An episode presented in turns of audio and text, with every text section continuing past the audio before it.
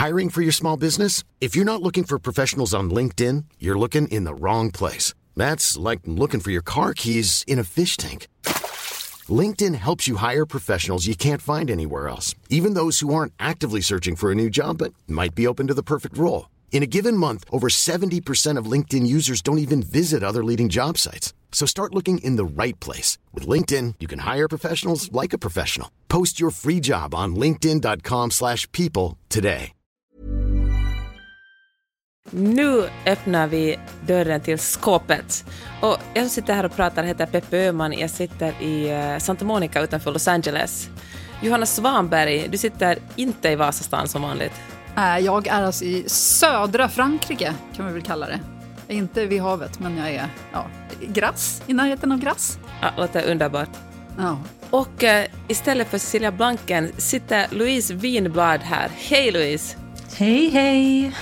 Var exakt befinner du dig, måste vi ju veta nu när vi andra har sagt. Så, så kul att vara med. Och jag sitter i eh, något med det passande namnet Älta, där jag bor eh, i Nacka. Perfekt för skåpet ju. Ja, ja, ja, alltså. Bjud in mig, säger jag bara. Jag har flyttat hit nu och allting. Ja, nej, så här sitter jag ofta och ältar.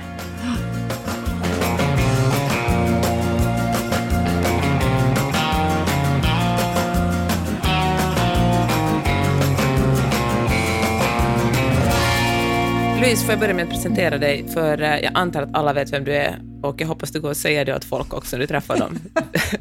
Måste jag ens presentera mig, säger jag. Ursäkta. Men jag gör det ändå. Du är, du är serietecknare, du är illustratör, du är poddare och ehm, ja, författare, får man säga det också? Ja, det kan man få göra. Jag slänger skriver in den några ord också. här och där. Ja, men, och bloggare är du också. Och äh, är på alla sätt en väldigt rolig och underbar person. Och jag tänker passa på att säga, du har ju också illustrerat två av mina böcker som Ja. eh, blev otroligt fina. Jag är så stolt och glad över det, så jag passar alltid på att säga det så fort jag får en chans. Och säg då vilka böcker det är. Det är två hästböcker som riktar sig till mellanåldern, alltså för barn som är mellan 9 och 12 ungefär. Och eh, den ena heter Ett himla tjat om hästar och den andra heter Höga hinder och vita lögner. Nej, Vita lögner och höga hinder. Är du också hästtjej, Louise? Eh, nej, men jag tvingade på mina barn att bli det eh, tills jag insåg att men gud, jag är ju lite rädd för det här vad jag har gjort. Men eh, då, så de är hästtjejer.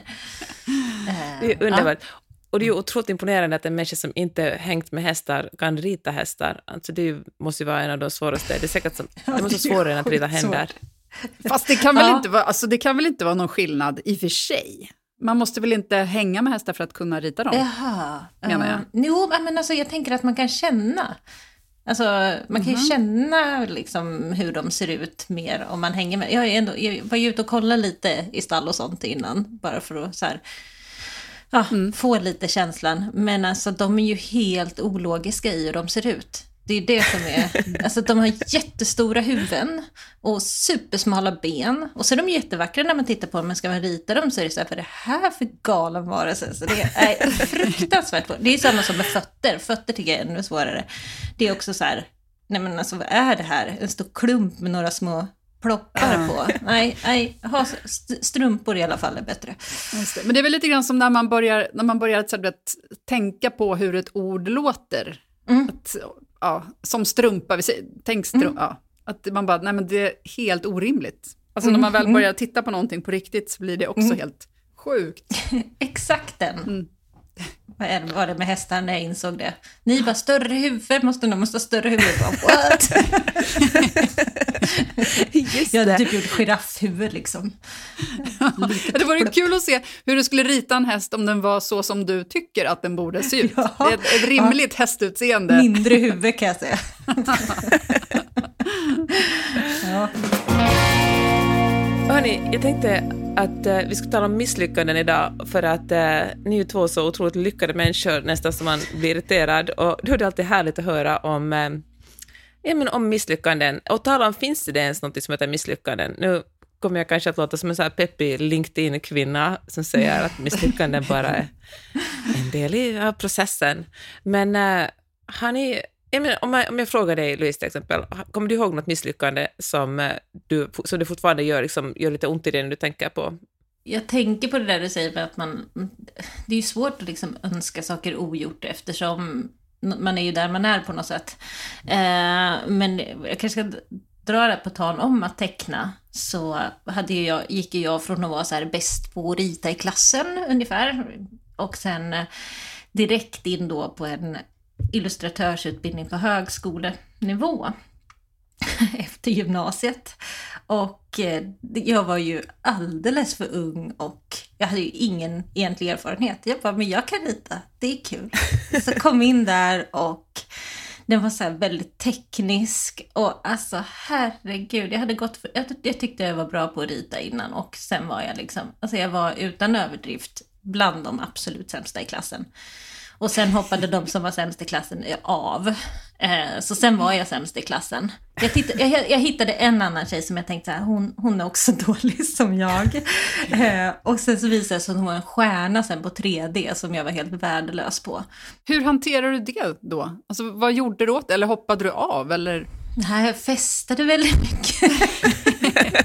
Du var full under din utbildning. Men jag gjorde ju också, jag var ju så här, kom ju från gymnasiet och bara så här, man ska bara göra uppgiften och lämna in. Jag hade liksom ingen tanke på att jag skulle lära mig saker. Mm. Jag skulle ju bara beta av. Uh, nej, så jag hanterade väl det genom att tycka att det var asjobbigt och pest. Men jag är liksom inte, jag hade inte insett att man kan hoppa av grejer mm. på den tiden. Det tycker jag att man ska, en lärdom i livet, att man, det är aldrig för sent att ge upp. Jag borde ha gett upp. eh, men det gjorde jag inte. Så jag hängde mig kvar där i tre år och sen gick jag, jobbade jag som personlig assistent och sen pluggade jag till lärare istället. Okej, så när kom du tillbaka till till ritandet? Ah, Eller, får man säga ritandet till, ja, till en professionell? Ja, bra. Nej, det gick väl kanske sju år eller mer, mm. tror jag, innan jag började, innan jag bara sa, nej men fast jag vill ju teckna. Jag vill ju liksom, det är det jag vill göra, fast jag har inget, ingenting att söka jobb med, för jag har liksom ingen, ingen portfolio, jag har inte tecknat på flera år och eh, så då måste jag bygga upp det. Och då startade jag Hej var det, för att bygga upp portfolio liksom. Mm. Och hur länge ja. sedan var det? Det var 2013. Men det får jag väl ändå säga, det är väl ändå lite av ett misslyckande först, även om det sen blev ju bra, för nu jobbar jag ju med det. Men, men att sitta tre år, alltså min lärare skrev så här usch och gjorde pilar till Va? saker jag gjorde. Va? Är det sant? ja, men då säger jag till honom. Gjorde du det? Oj. Ja, jag gjorde det. Jag bara, det är brutalt. Det här är okej. Okay. Så 19 år. Jag tycker inte man skriver usch. Men det är ju verkligen en solskenshistoria då, att du har lyckats vända det där misslyckandet ja, till, ja. till en otrolig framgång. Får du skicka ett usch-vykort till den där läraren? Nej, jag vet, han mejlade mig och skrev att han hade sett mig på Nyhetsmorgon och frågade om jag kommer ihåg honom och så skrev han, det var jag som skrev usch, han måste jo, verkligen ha tagit åt sig. Alltså. Det Underbart. Roligt. Ja, det var så sjukt. Jag trodde inte att han skulle reagera på att jag sa till honom på skarpen. Mm. Ja. Alltså jag satt och funderade på det här med misslyckanden igår och insåg den otroligt mogna och väldigt töntiga insikten att jag kan liksom inte se någonting som misslyckande längre för att allting har tagit en dit man är. Mm. Mm. Alltså hur fånigt låter inte det? det? Men, men det är ju samtidigt så här, alltså nu, ja. man är ju ändå glad att man har gjort det man har gjort och att man har, alltså om man inte testar så kan man inte lyckas heller och så ibland så måste mm. det bli fel. Gud, jag hör hur fånigt det här låter, men det är ju sant. Men jag tänker det som ändå är härligt att höra är att andra människor också har haft en, en att vägen inte är liksom, man har inte bara glidit fram, utan att det har funnits liksom lite fart där på vägen. För att oftast hör man ju bara om folk som är otroligt framgångsrika och sen aldrig om när de snubblade eller när de fick ett nej, eller när de eh, ja, när det gick dåligt, eller de tyckte att de valde fel. Sen fattar man ju att det blev en erfarenhet och det var liksom ett steg åt, åt, liksom, i den riktningen man vill komma. Men eh, man hör ju ofta bara mest om när folk får bokkontrakt och när de mm. liksom, får jättebra jobb och, och eh, vinner olika tävlingar. Man hör aldrig om när de inte gör det. Men då kan jag säga, jag håller ju på att kolla på den här Kanye West-dokumentären nu som finns mm. på Netflix. Mm. Två avsnitt ute vid det här laget, eller ja, tre när, när podden läggs ut. Och den handlar ju, alltså det är ju en kompis till honom som började filma alltså på 90-talet, innan han var känd. Och det är även så här, filmer från vet, när han är barn och rappar. Och det är ju idel misslyckanden. Och han framstår som en så otroligt mysig och ambitiös och liksom rolig, kämpar på. Mm. Och på ett helt annat sätt än, än den man ser i media idag. Liksom. Ja, men jag tänker det som han också gör är att uh, han bara kämpar vidare. Oh, Gud, nu blir jag igen den här LinkedIn-kvinnan. Men han, uh, han bara... två minuter med Ludacris i studion, eller var det tio minuter, och han bara tjatar tills han får det. Och samma Ja. sak med liksom att komma nära Jay-Z. Han, alltså han får ju en massa nej och det är jobbigt och fattigt, och, eh, men, han, eh, men han fortsätter ändå. Och det är väl Ja. eh, det som gör att han är den han är idag. Ja, men jag älskar den grejen när du liksom hittar det där självförtroendet någonstans. Jag hade, eh, jag lyssnade, jag hade Jenny Jägerfeld som gästade min podd. Och eh, då lyssnade jag mig in på henne och då berättar hon i någon, när hon gästar någonting, att hon blev utgiven på förlag och så tyckte hon liksom att, ja ja men vad bra, nu är jag författare. Och så skrev hon en bok till och så skickade hon in den till, sin, till sitt förlag och de bara, ah nej tyvärr, den här den här vill vi inte ge ut. Och hon var ju helt knäckt liksom. Och bara, men, men kunde ändå se, okej, de har en poäng. Sen gick hon hem och skrev en till bok. Eh, som hon så här, den här kommer de vilja ge ut. Skickade in den och förlaget bara, mm, ah, nej, den här, och en så här riktig sågning också tidigare, riktigt osnyggt. Varpå hon var helt knäckt och så var hon bara, nej, jag vill ha en andra läsning. Jag vill att någon annan läser den här. De bara, ja okej. Så, här, så var det någon annan som läste den och bara, "Nå, nej, de vill inte heller. Fler, du, du, du, är två till. Så.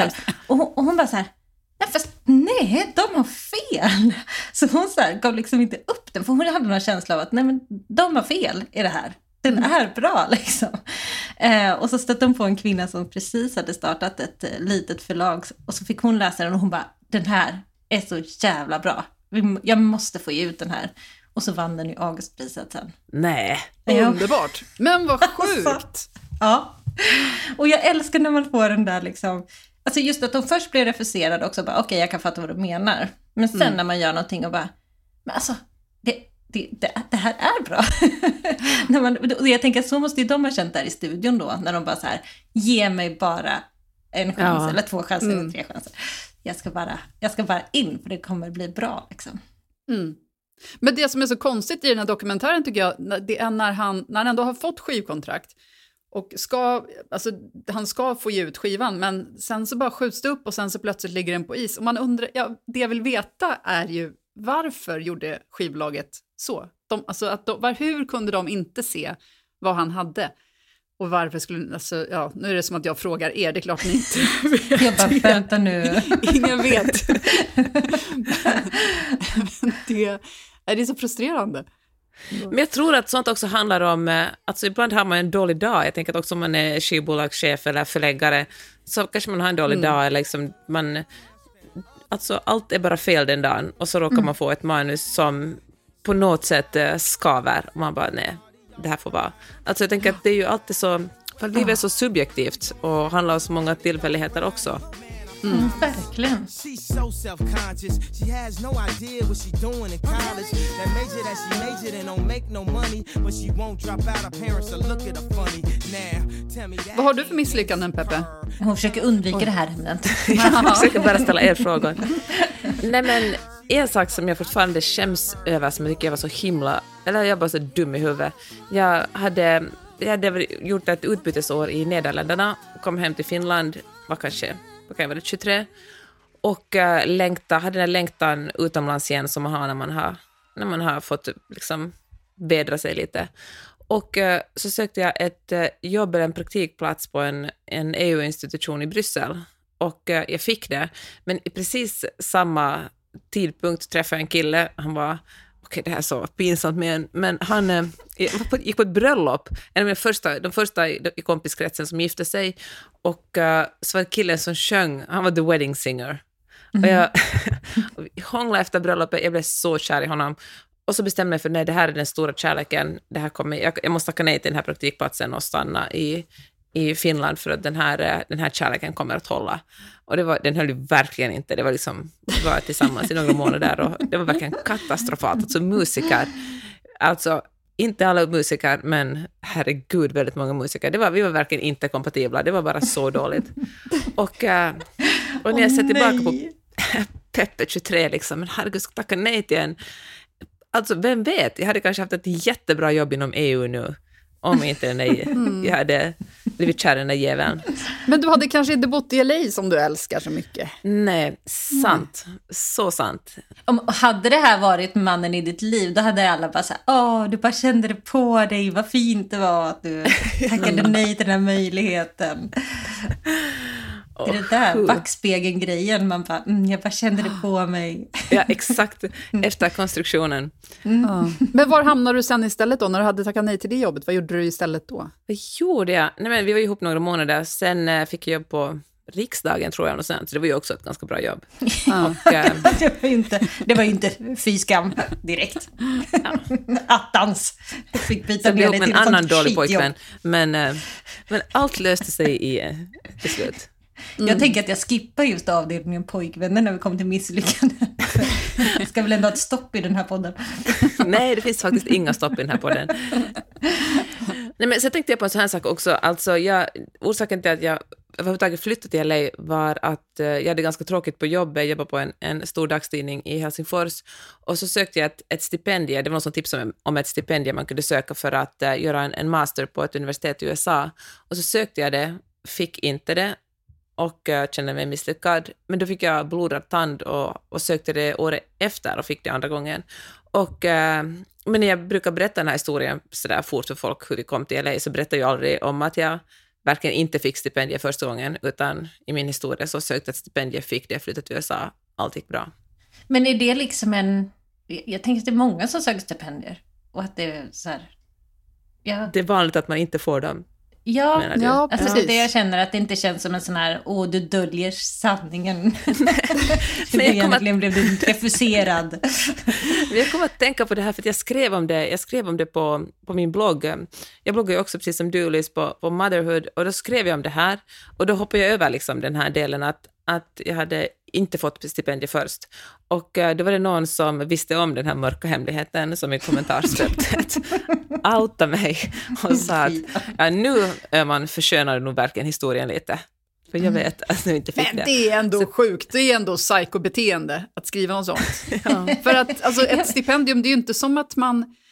Jag vet inte, det är ju någonting man söker, det är ju som att söka ett Ja. jobb eller vad som helst. Alltså, jag förstår inte hur det skulle kunna vara en skamligt eller något, ett misslyckande att inte få det. Utan det handlar ju bara om att det gick till någon annan. Det var, det var, du var fel person ena året, men du var rätt person andra året. Och jag måste faktiskt säga att min första ansökan var ganska dålig. Alltså min andra ansökan var mycket bättre, så jag förtjänar verkligen Ja, att ja, få det andra men gången. Jag har inte Jo, men så brukar det också vara, man lär sig av. Ja, av misstagen. Oj, gud, det känns som att jag bara sitter här och suckar fram olika fula sanningar. Ah. Den som lever, hen lär. Men, eh, men Louise, jag måste fråga dig, du har ju så otroligt många följare. Får du någonsin så här beska kommentarer? Både på Instagram och bloggen? Det händer, absolut. Men eh, mer förr, tycker jag. Och det har jag analyserat lite och jag tror att det handlar om att jag inte skriver så provocerande längre. Hur var du provocerande förut? Um, jag hade väldigt mycket mer åsikt. Jag skrev väldigt mycket ur irritation. Alltså det är helt underbart tycker jag att skriva ur irritation. När man är irriterad och arg på någon, man plockar upp någonting och så bara får man skriva av sig. Alltså jag älskar det. Men eh, nu för tiden gör jag det ibland men så publicerar jag det aldrig, vilket är jättetråkigt för att det är ändå roligt med sådana texter. Det är ju kul läsning. Alltså jag kan Ja. verkligen sakna bloggens uh, storhetstid för typ tio år sedan när folk verkligen bara öste ur sig sina känslor. Nu är det ju det mer tillrättalagt. riktigt. Ja, men jag, det är också för att jag, eh, min, jag klarar inte riktigt av när folk sen blir arga tillbaks. Jag bara, va? Vad är det här?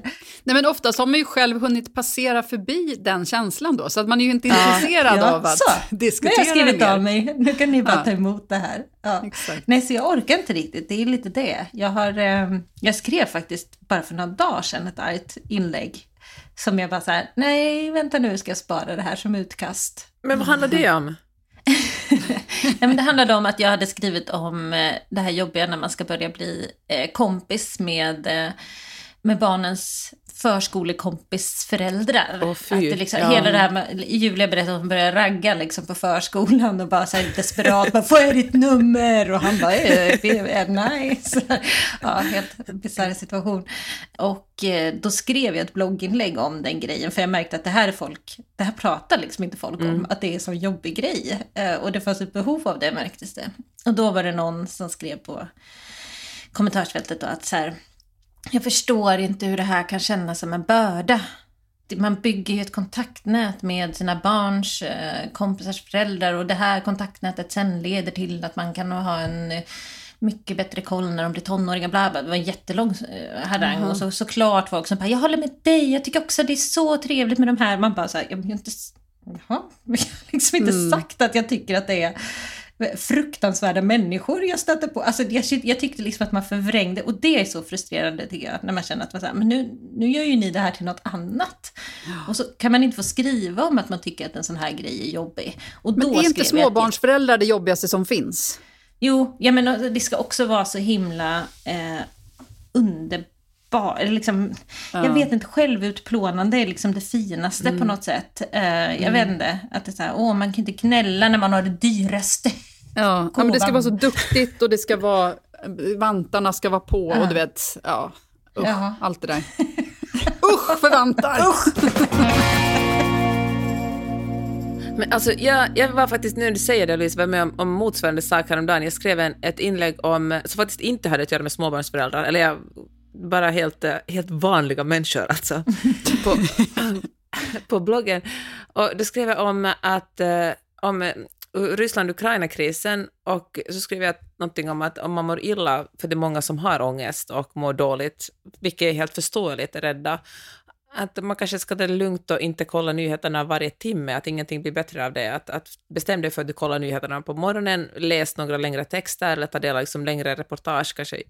Och, eh, och låt det vara sen. Lägg ifrån dig telefonen, läs en bok, gör någonting annat. Att det blir inte bättre av att du kollar minuten, kolla telefo- på din telefon de senaste nyheterna. Och uh, det var någon som sa att, eh, att det är att om man har ångest får man bara, det var flera, två olika personer, en som sa att om man har ångest får man faktiskt bara svälja det, för det här är viktigare att man ska gå omkring och tycka synd om sig själv. Oj.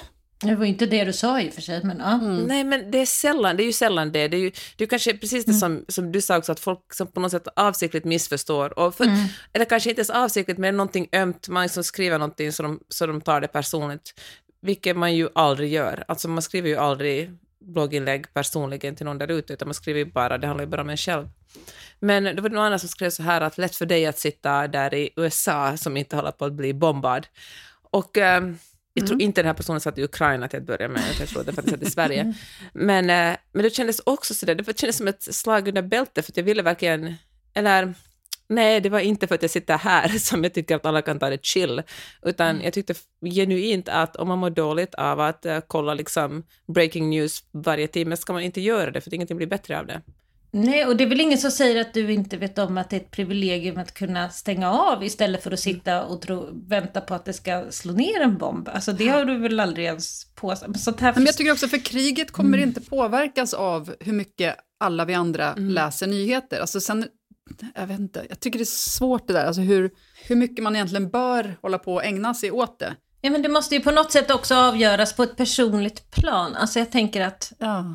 för vissa är liksom till den grad man kan hantera det. Det du pratar om, Peppe, är ju när det äter upp en liksom. Och att man kanske man inte riktigt kan hantera det. Då är det ju... Och, och, och ja, det är såklart att det är ett privilegium att kunna stänga av. Alltså, men det har du inte sagt något annat. Mm. Nej. Nej. Men sånt där. Det känns ibland också som att folk så här, oh, men nu fick jag någon liten grej att irritera mig på istället för att zooma ut. Jag menar, Men folk väljer lite grann irritationen snarare än förståelsen. Att det, Ja. det Ja, är det är intressantare att skönt. ta till irritationen. mm. Om, om man tycker att någon annan är privilegierad särskilt. Liksom. När vi började göra den här podden, då bestämde vi oss för att eh, inte vara en brasklapp-podd, där man är sådär, ja men... Eh, Jag vet att du kämpar lite med det, Peppe. Ja, kämpar så mycket med det. Och det är så svårt, för att av erfarenhet vet jag att det är alltid någon som tar det personligt. Men jag tänker att man får fan ta, verkligen, jag får också skärpa mig att ta den kampen, för att folk måste förstå att allting handlar inte om dem.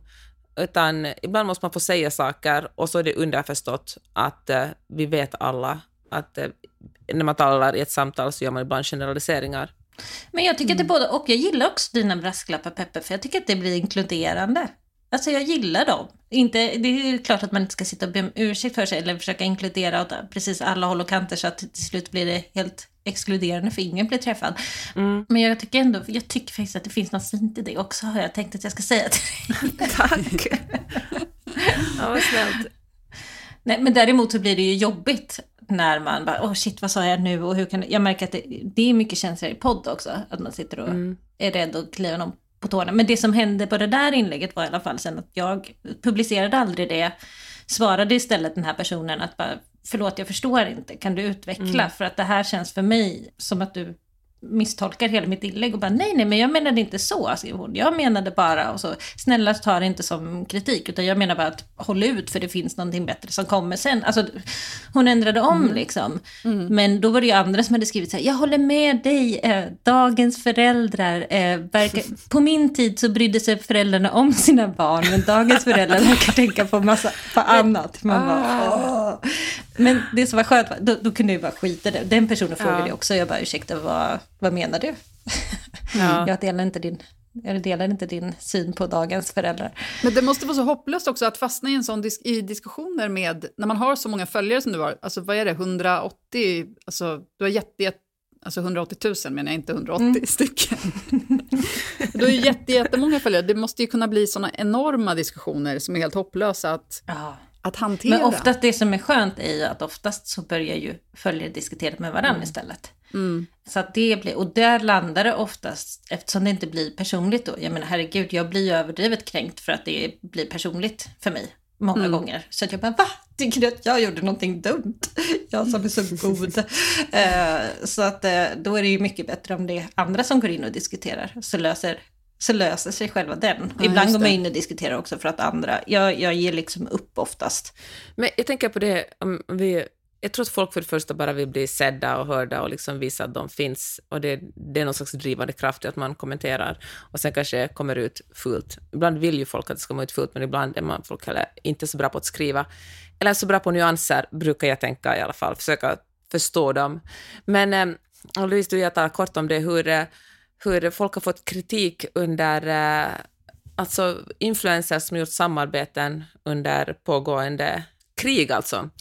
Och, eh, och den strävan efter att hur ska man göra rätt? Kan man någonsin göra rätt om man har jättemånga följare? Och, eh, och jag vet vad tycker ni? Hur ska man hantera det om man jobbar som influ- influencer? Hur ska man hantera en sån här enorm kris som liksom måste stå på randen till tredje världskriget? Ja, alltså, men frågan är väl också, för att det har ju pågått krig i världen jätte, Ja. jättelänge. Det här är inte första gången som det blir krig någonsin. Alltså det är bara att för att det här ligger två timmar från Sverige och då känns det mer. Men jag tänker lite att Syrien, allt, allt, alltså det har varit så mycket skit i världen under så lång tid. Och då har också influencers kunnat lägga ut betalsamarbeten. Så att, jag vet egentligen inte varför det här skulle... Alltså om man, man, det är klart man får välja hur man uttrycker sig och, och sådär.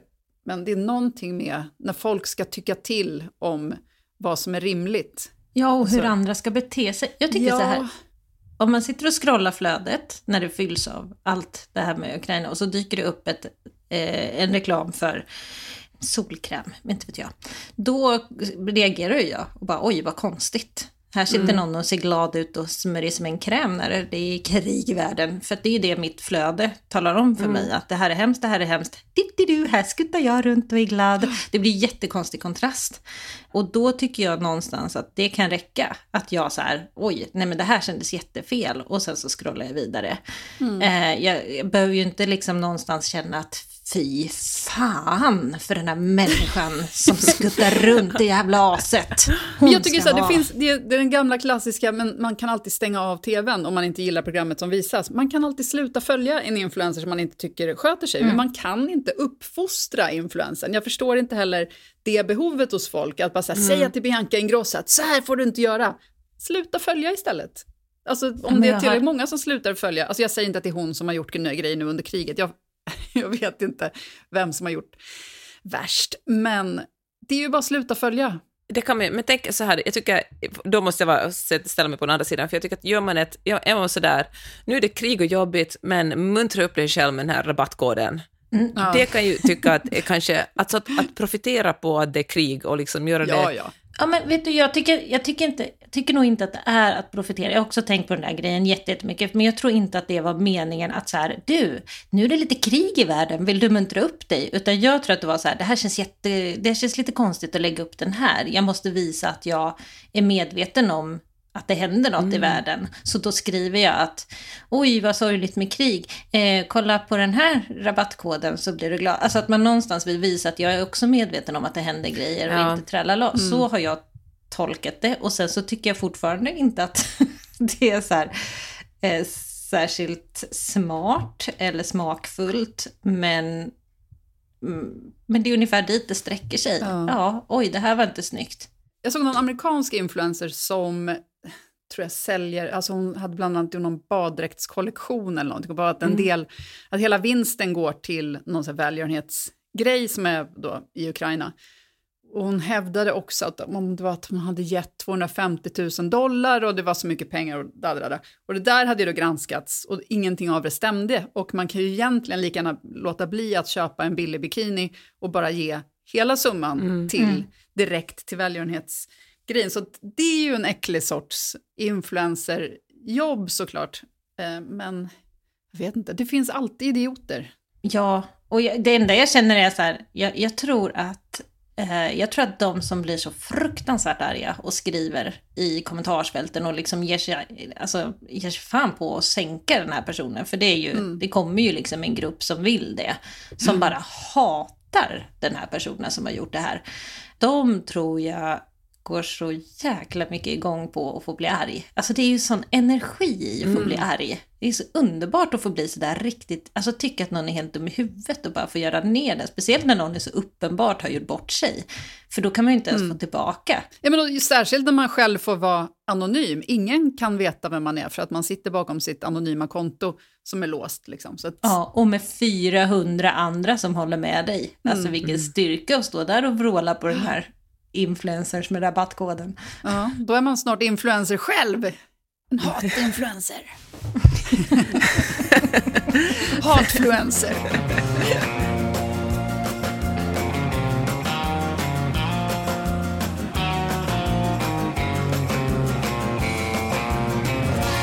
Johanna, vad gör du när du blir jätteirriterad på någon, på någon som du följer på Instagram?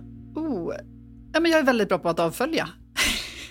Ja. Men jag skulle ju aldrig skriva en, en kommentar. Om jag blir irriterad så skulle jag säga att jag avföljer. Kanske snackar lite skit, bakom, bakom ryggen på Den den. gör jag med. säga. Jag tar det lär inte vara någon jag känner, men... ehm, jag pratar om den i skåpet. Ja, det är ju helt perfekt. Mm, exakt. Det är därför man har podd. Jag vet Ja. inte. Kan man ens bry sig så mycket om vad som sker på Insta? Nej men den gör jag absolut. Jag blir sjukt irriterad. Jag tar skärmdump och så skickar jag till en kompis och bara vad i helvete är det här? och sen så bara drrrr, så blir vi jättearga. Och sen, så- jag, jag, jag menar det tycker jag bara känns helt... Eller så går jag till Mattias men det är liksom, han är så noll intresserad. Det är inget kul. Jag får liksom inget fäste. Han bara ja Alice jag bryr mig inte. Jag bara men alltså seriöst kolla på det här. Men alltså, Jag är sån skitsnackare när ingen hör.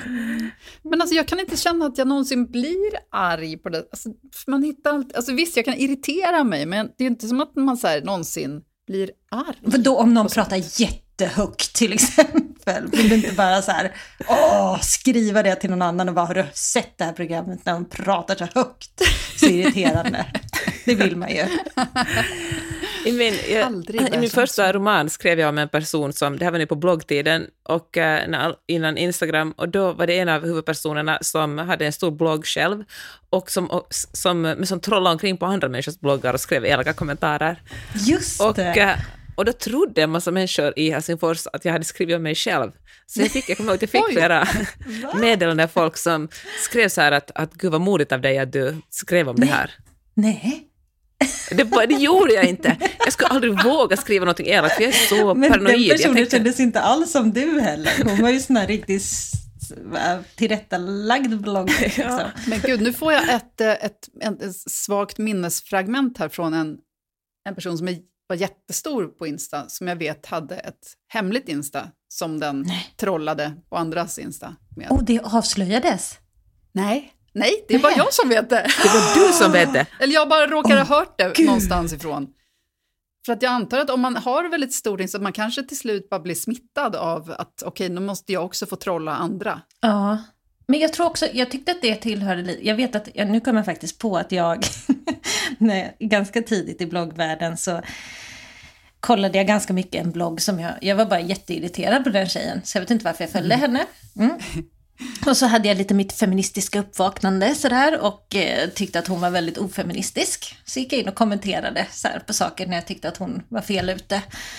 Eh, och så svarade hon och så svarade jag med mina krossande argument som jag hade lärt mig. Eh, och sen så skrev hon så här, jag vill faktiskt att du slutar kommentera, för du kommenterar alltid bara när det är negativt. Du skriver aldrig annars.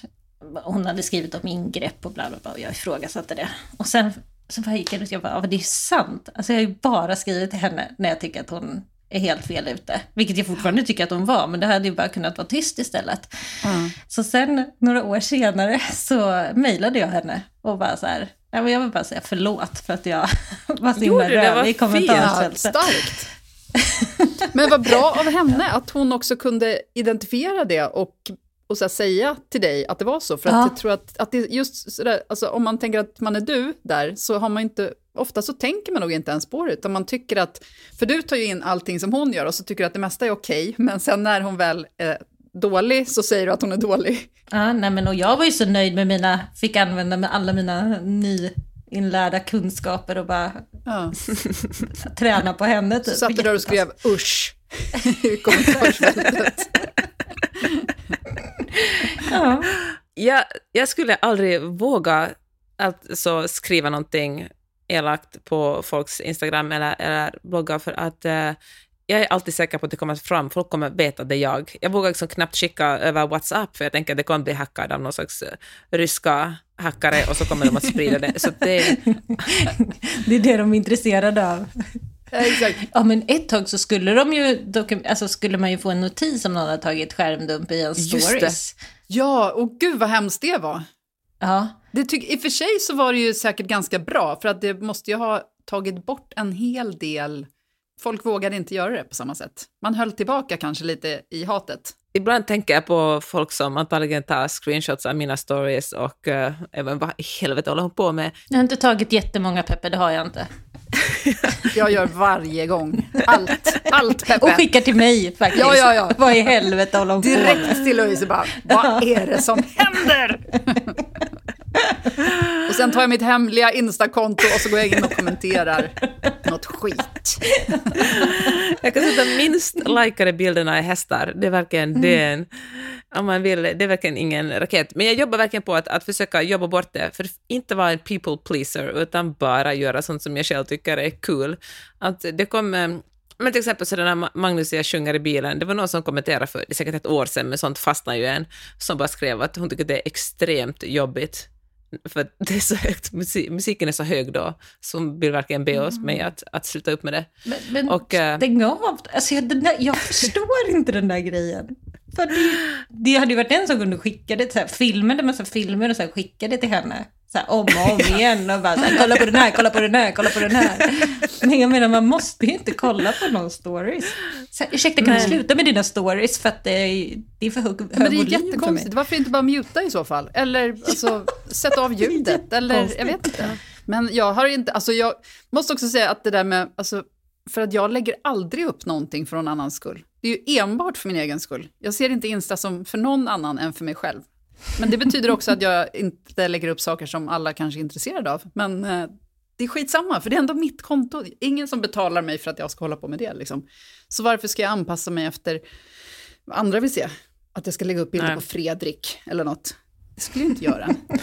Nej, ingen som vill se. Lägg upp på kändiskillen! I alla fall får folk lära sig att det Nej. kommer de inte få. Då kommer jag in i kommentarsfältet och skäller. Ja, exakt. Ja, Men får du Louise någonsin så här, eh, torka, du bara herregud, jag har ingenting att, eh, vad fan ska jag, alltså du publicerar ju ändå en ganska intensiv takt. Ja men gud, jag får det uh, hur ofta som helst, framförallt kring PMS. För ingenting är bra nog då. Men det är ju bara, alltså det där har man ju... En gång skrev jag ett blogginlägg med så här, jag har ju några illustrationer som jag typ mår dåligt när jag ser. För jag tycker de är så fruktansvärt fula. Och jag vet hur snabbt jag gjorde dem, jag vet hur dåliga jag tyckte de var redan då och så ändå skickade jag iväg dem för det var någon jobbgrej.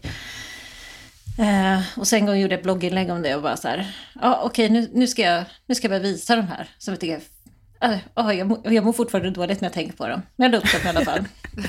uh, och då var ju folk så, va den där är min favorit och den där är ju jätterolig. Så jag bara, gud det är verkligen och så blev jag lite så här, är det så ni tycker när jag, när jag gör sån skit? jag behöver ja. inte ens anstränga mig med de här andra.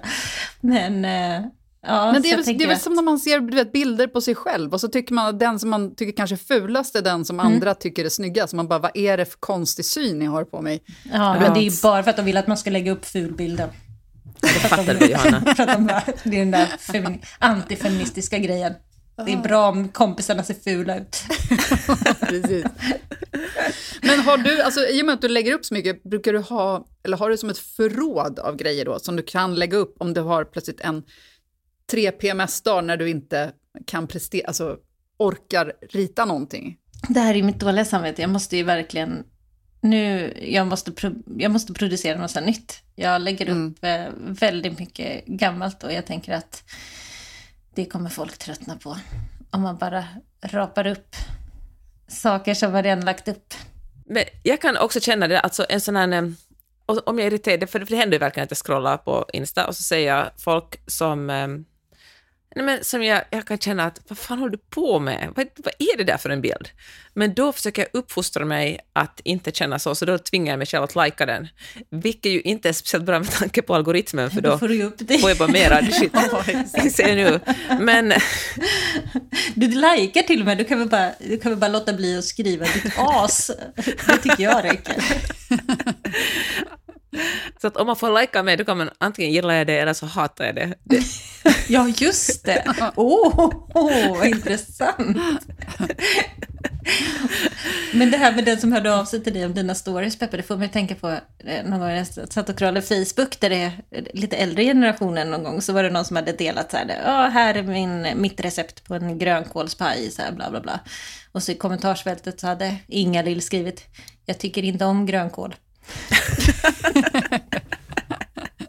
men det är väl exakt, det är väl Facebook. Ja, men det, jag tycker att det är Instagram också. Jag menar, det är exakt samma person som skriver till dig. Jag tycker det är för ja. hög volym i dina stories. Det är exakt. Mm. Varför, varför gör du så här mot mig? Tanken. Ja. Alltså det som är jobbigt, jag är knappt alls på Facebook. Det finns några riktigt bra grupper, Skåpets, Skåpets podcastgrupp eh, och sen två andra hemliga grupper som är mig, som gör att jag loggar in då och då. Men, eh, men generellt märker jag att jag tycker bara sämre, folk som jag verkligen genuint tycker jättemycket om utanför sociala medier, tycker jag inte om på Facebook. Det finns någonting ondskefullt där som gör att alla blir lite, alla blir lite, lite äckliga. Men jag tycker att folk ändå, alltså jag vet inte, det kanske beror på att jag är så inaktiv, men jag tycker inte att jag har, alltså jag, jag har inte så mycket aktivitet där. Jag ser inte Nej. något som händer. Det enda jag ser är typ, men det är ju jag menar någon grupp så här, gamla bilder på Stockholm. Och så att det känns som att det, det, är det enda jag ser om jag går in på Facebook. och så, men då, vet, då sitter folk, så här, tanten och gubbarna och sitter och diskuterar där. Åh, det var bättre för Se så vackra byggnader det fanns på Norrmalm innan de rev. Ja, det blir ändå den hetska stämningen där också. Att ja, ja, ja. Liksom är Gud, ja. För det, det kan vara, liksom, det kan vara riktiga fattiga, såhär lort-Sverige. Som, mm. så vet, någon, någon som går och bär en hink i en gränd i Gamla stan och folk bara åh det var mm. bättre förr. Mm. Man bara, Tänk när det, när det fick lukta bajs och, ja, och skitigt. Ja. Här gick man och bar sitt fiskrens medan man ja. bajsade i samma hink. Och, ja, sen åt man det till middag. Mm. Det var ändå bättre. Mm, det var bättre. Vad har ni att tipsa om undrar jag? Ja, jag känner att ni får börja, för att när ni får börja så ska jag suga på den här ett tag. Mm. Alltså jag har ju nu, jag vill, jag vill inte ens tipsa om det här egentligen, men jag hade bara tänkt titta på ett avsnitt för att jag såg förra säsongen. men nu är jag fast och jag kommer se alltihopa. Love is blind, den nya säsongen på Netflix. Har ni tittat? Nej. Jag har tittat. Va? Louise, du har inte sett någon av säsongerna? Nej, jag har inte sett någon. Du vet inte vad det är ens? Jag Nej. måste förklara. Alltså förlåt, men jag har jobbat varje kväll i ett år ungefär. Jag har inte sett någonting. Nu inser jag att Sissan pratade om det här förra, eller både Sissan och Peppe, ni pratade om det här förra veckan, men nu har jag kommit in i det, så nu kommer jag att prata om det igen. Men det är alltså en dokusåpa där, eh, där ett gäng amerikaner, för jag tittar på den amerikanska, det finns ju även massa andra upplagor nu, eh, får prata med partners i, alltså från varsin podd, höll jag på att säga, det låter fel, men alltså man är i varsitt rum. De får inte se varandra, de ska bli kära och sen innan de får se varandra så måste de förlova sig. Och eh, Oh. ja, så följer man deras förhållanden. Och det är såna hemska personer som är med. Men det är... Mm. eh, Ja. det är jag kan ändå rekommendera det om man vill bränna igenom någonting riktigt hjärndött. Ja, och det jag får väldigt- lite ångest för att jag sa det här med att jag jobbar varje kväll. Det var verkligen, alltså det var mer, det är inget liv, ska jag säga. Det har med vab att göra. Eh, Så det är mest det. Det är fullt, Full förståelse. Men annars Ja, kan jag också det, den rekommendera... där blir man ju sugen på, för jag, det, Mm. det är bra med tips. ja, men testa ett avsnitt och se om du fastnar. Var var den sa du? På vilken? På Netflix finns den. På Netflix dessutom. Ja, vad bra. Det var någon som sa att uh, nytt koncept är samma Love is blind, men istället för en potentiell partner är det en terapeut där på andra sidan. Och sen eh, får man snacka, och när man är klar, då kan man kanske träffa en partner. För det är ju, alltså, det är ju jag känner när jag kollar på det att jag får, alltså jag sugs med i det och eh, hejar på vissa och förfasar mig på andra. Men eh, det är ju väldigt många av de här personerna som inte verkar må så jättebra. Men blir man inte för upprörd? jag är så här, jag vill göra något allt bara är Jag blir ju inte upprörd av någonting som, som du har konstaterat. Så jag blir väl lite småirriterad och sen släpper jag det. Okej, det är inte för mig. Jag kommer gå in i kommentarsfält. Nej, nej, du, du kommer bli rasande. Du kommer sen leta upp alla de här som är deltagarna, leta Ja. upp deras Instagram och bara gå in och hata. Ja. De bara, vem är den här personen med så många följare? Varför är hon inne och hatar oss? och du bara! Ja, ja det, det är så det kommer bli. Ja. enkelt. Jag vill också tipsa om en tv-serie som, eh, alltså det är ju hemskt att jag tipsar den utan att ha sett den, men jag är otroligt peppad på den, så jag tänkte att vi kanske kan eh, se den tillsammans och sen prata om den. Det är, den heter Super Pumped och handlar om en dramatisering av Uber. Hur, eh, men hur Uber blev ett så gigantiskt bolag och eh, alla vänner, liksom, men, det var ju en massa metoo och uh, vilket vid... Jag tror det är en ganska bra bild av hur det är att jobba på i Silicon Valley. Alltså, där ingen har någon slags moral eller rättstänk, utan bara handlar om att göra så mycket pengar som möjligt. Jag tycker att Uber är extra intressant, för det är ju en den första riktigt stora gig-ekonomi-giganten, där eh, så kommer ni ihåg som man sålde in den som om eh, nu kommer det här kommer att göra möjligt för alla att jobba, man har sitt vanliga jobb, vill man tjäna lite extra pengar kan man, kan man köra, köra taxi på kvällarna och det är ju perfekt. Sen utvecklade det sig till att bli någon slags prekariat där eh, folk jobbar heltid utan sjukförsäkring och utan någon slags garanterad lön, aldrig semester och var man sjuk så förlorar man jobbet. Och plus det här att, att om man hade PMS på jobbet en dag skulle man få så dåliga, och vara otrevlig mot en kund, kunde man få så dåliga poäng att man inte fick köra på några månader. Alltså, så mycket jävla skit som kom med, med gig-ekonomin, men hur den såldes in som någon slags eh, jämlikhet, så och liksom, jag vet inte, någon slags eh, den nya världen. Jag går ju på såna här grejer. Jag tänker att det här låter ju skitbra. Och så fattar jag inte Ja. baksidan förrän man ser den efteråt. Ja, men man är ju också positivt lagd och bara vill tro att folk gör saker för att, för att det finns en god tanke bakom. Ja, men de kanske är god från början och så bara visar sig. Ja, men som hela Ja. det här med tumme upp och eh, liksom allt möjligt. Det känns fint och sen så bara räknar man allt som inte blir tumme upp istället. Allt är bara räknas i likes. Alltså, här ska man få ge varandra en tumme upp för de har gjort något bra och sen till slut handlar det bara om alla tummar man inte fick. Men alltså, jag tror också att, eh, för det första tror jag att det är bra att man går in och är lite så här, utgår från att världen är god, för att man kan inte gå omkring och vara så jävla cynisk, det, ingenting blir bättre av det. Så att jag tycker att ni ska hålla er, er naiva syn på världen. Nej, men, nej, men jag tror att människor blir gott. Men sen tror jag också att många idéer börjar kanske från helt genuint, alltså man tjänar pengar men kanske gör något gott men så tror jag att pengar korrumperar otroligt mycket. Jag tror att det är väldigt få personer som kan vara stormrika och goda människor. Alltså jag tror att de flesta riktigt rika människor är lite assholes. Det, är väl även, alltså det handlar väl inte om ekonomi i och för sig, alltså för att alla är väl lite assholes. Ja, men jag tror också att man inte har någonting att förlora på samma sätt. Nej, men precis. Man, har liksom, man är, står ovanför allt. Men jag läste faktiskt Mm. en artikel som handlar om, de hade typ testat folk med dyra bilar stannar Mm. mer sällan vid övergångsställen än folk med sämre bilar. Alltså folk Mhm. med dyra mi- de bilar är lite större assholes än folk med billigare bilar. Det är ju en väldigt enkel liksom, undersökning, men det Ja. finns ju såklart oändligt många fler grader i det. Men eh, jag tycker att det ändå säger någonting. Jag tror att man tappar respekten för folk. När du, liksom, när du kan få allting Ja. du vill ha på något sätt. Så tappar det liksom perspektiv. Då tror jag man blir en röv. Nej, det blir den här bilden att folk som, folk som det går dåligt för så får skylla sig själva för de bara inte kämpat tillräckligt mycket. Jag tänker mycket på, på situationen med, nu slutar vi verkligen på, vi måste sluta på något roligare, men jag tänker liksom hur man ser på hemlösa, vilket är ett jättestort problem i USA och speciellt här i Kalifornien. Och eh, hur till och med vettiga människor bara ser hemlösa som någon slags ohyra som man måste bara flytta bort. Ingen bryr sig egentligen om vad, eller det är fel, fel att säga jättemånga människor bryr sig, men det är helt acceptabelt att tycka att hemlösa generellt är, att det bara är jobbigt, att de ska, man vill bara ha dem out of Men- sight. Men det som är sorgligt nu att tänka på är ju, alltså man tänker då att Uber började som någonting som skulle vara bra och sen så blev det någonting som blev skit. På samma sätt som skåpet började som någonting som var bra och positivt. Nu har vi istället hetsat Louise till att bli näthatare. Lite liknande utveckling skulle jag säga. Nej men jag känner mig inspirerad, det gör jag. Jag är så jävla arg nu. Rakt in i Love is blind. Åh, förlåt, alltså ni borde inte ha med mig i den här jävla... Kommer in med mörkrets furste här och ska berätta hur skit världen är. Okej jag Louise, nu får du tipsa om sånt. Det måste inte vara en film eller tv-serie.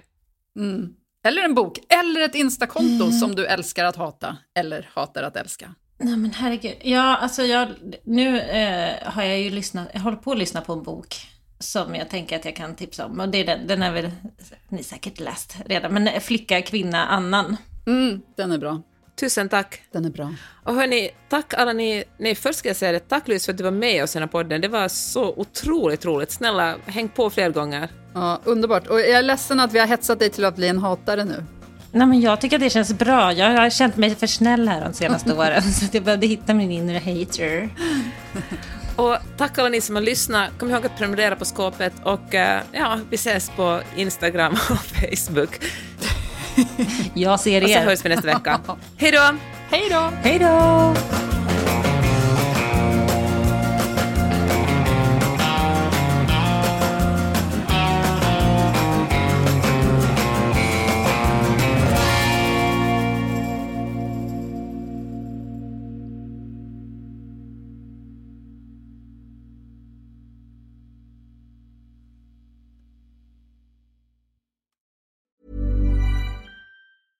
Even when we're on a budget, we still deserve nice things.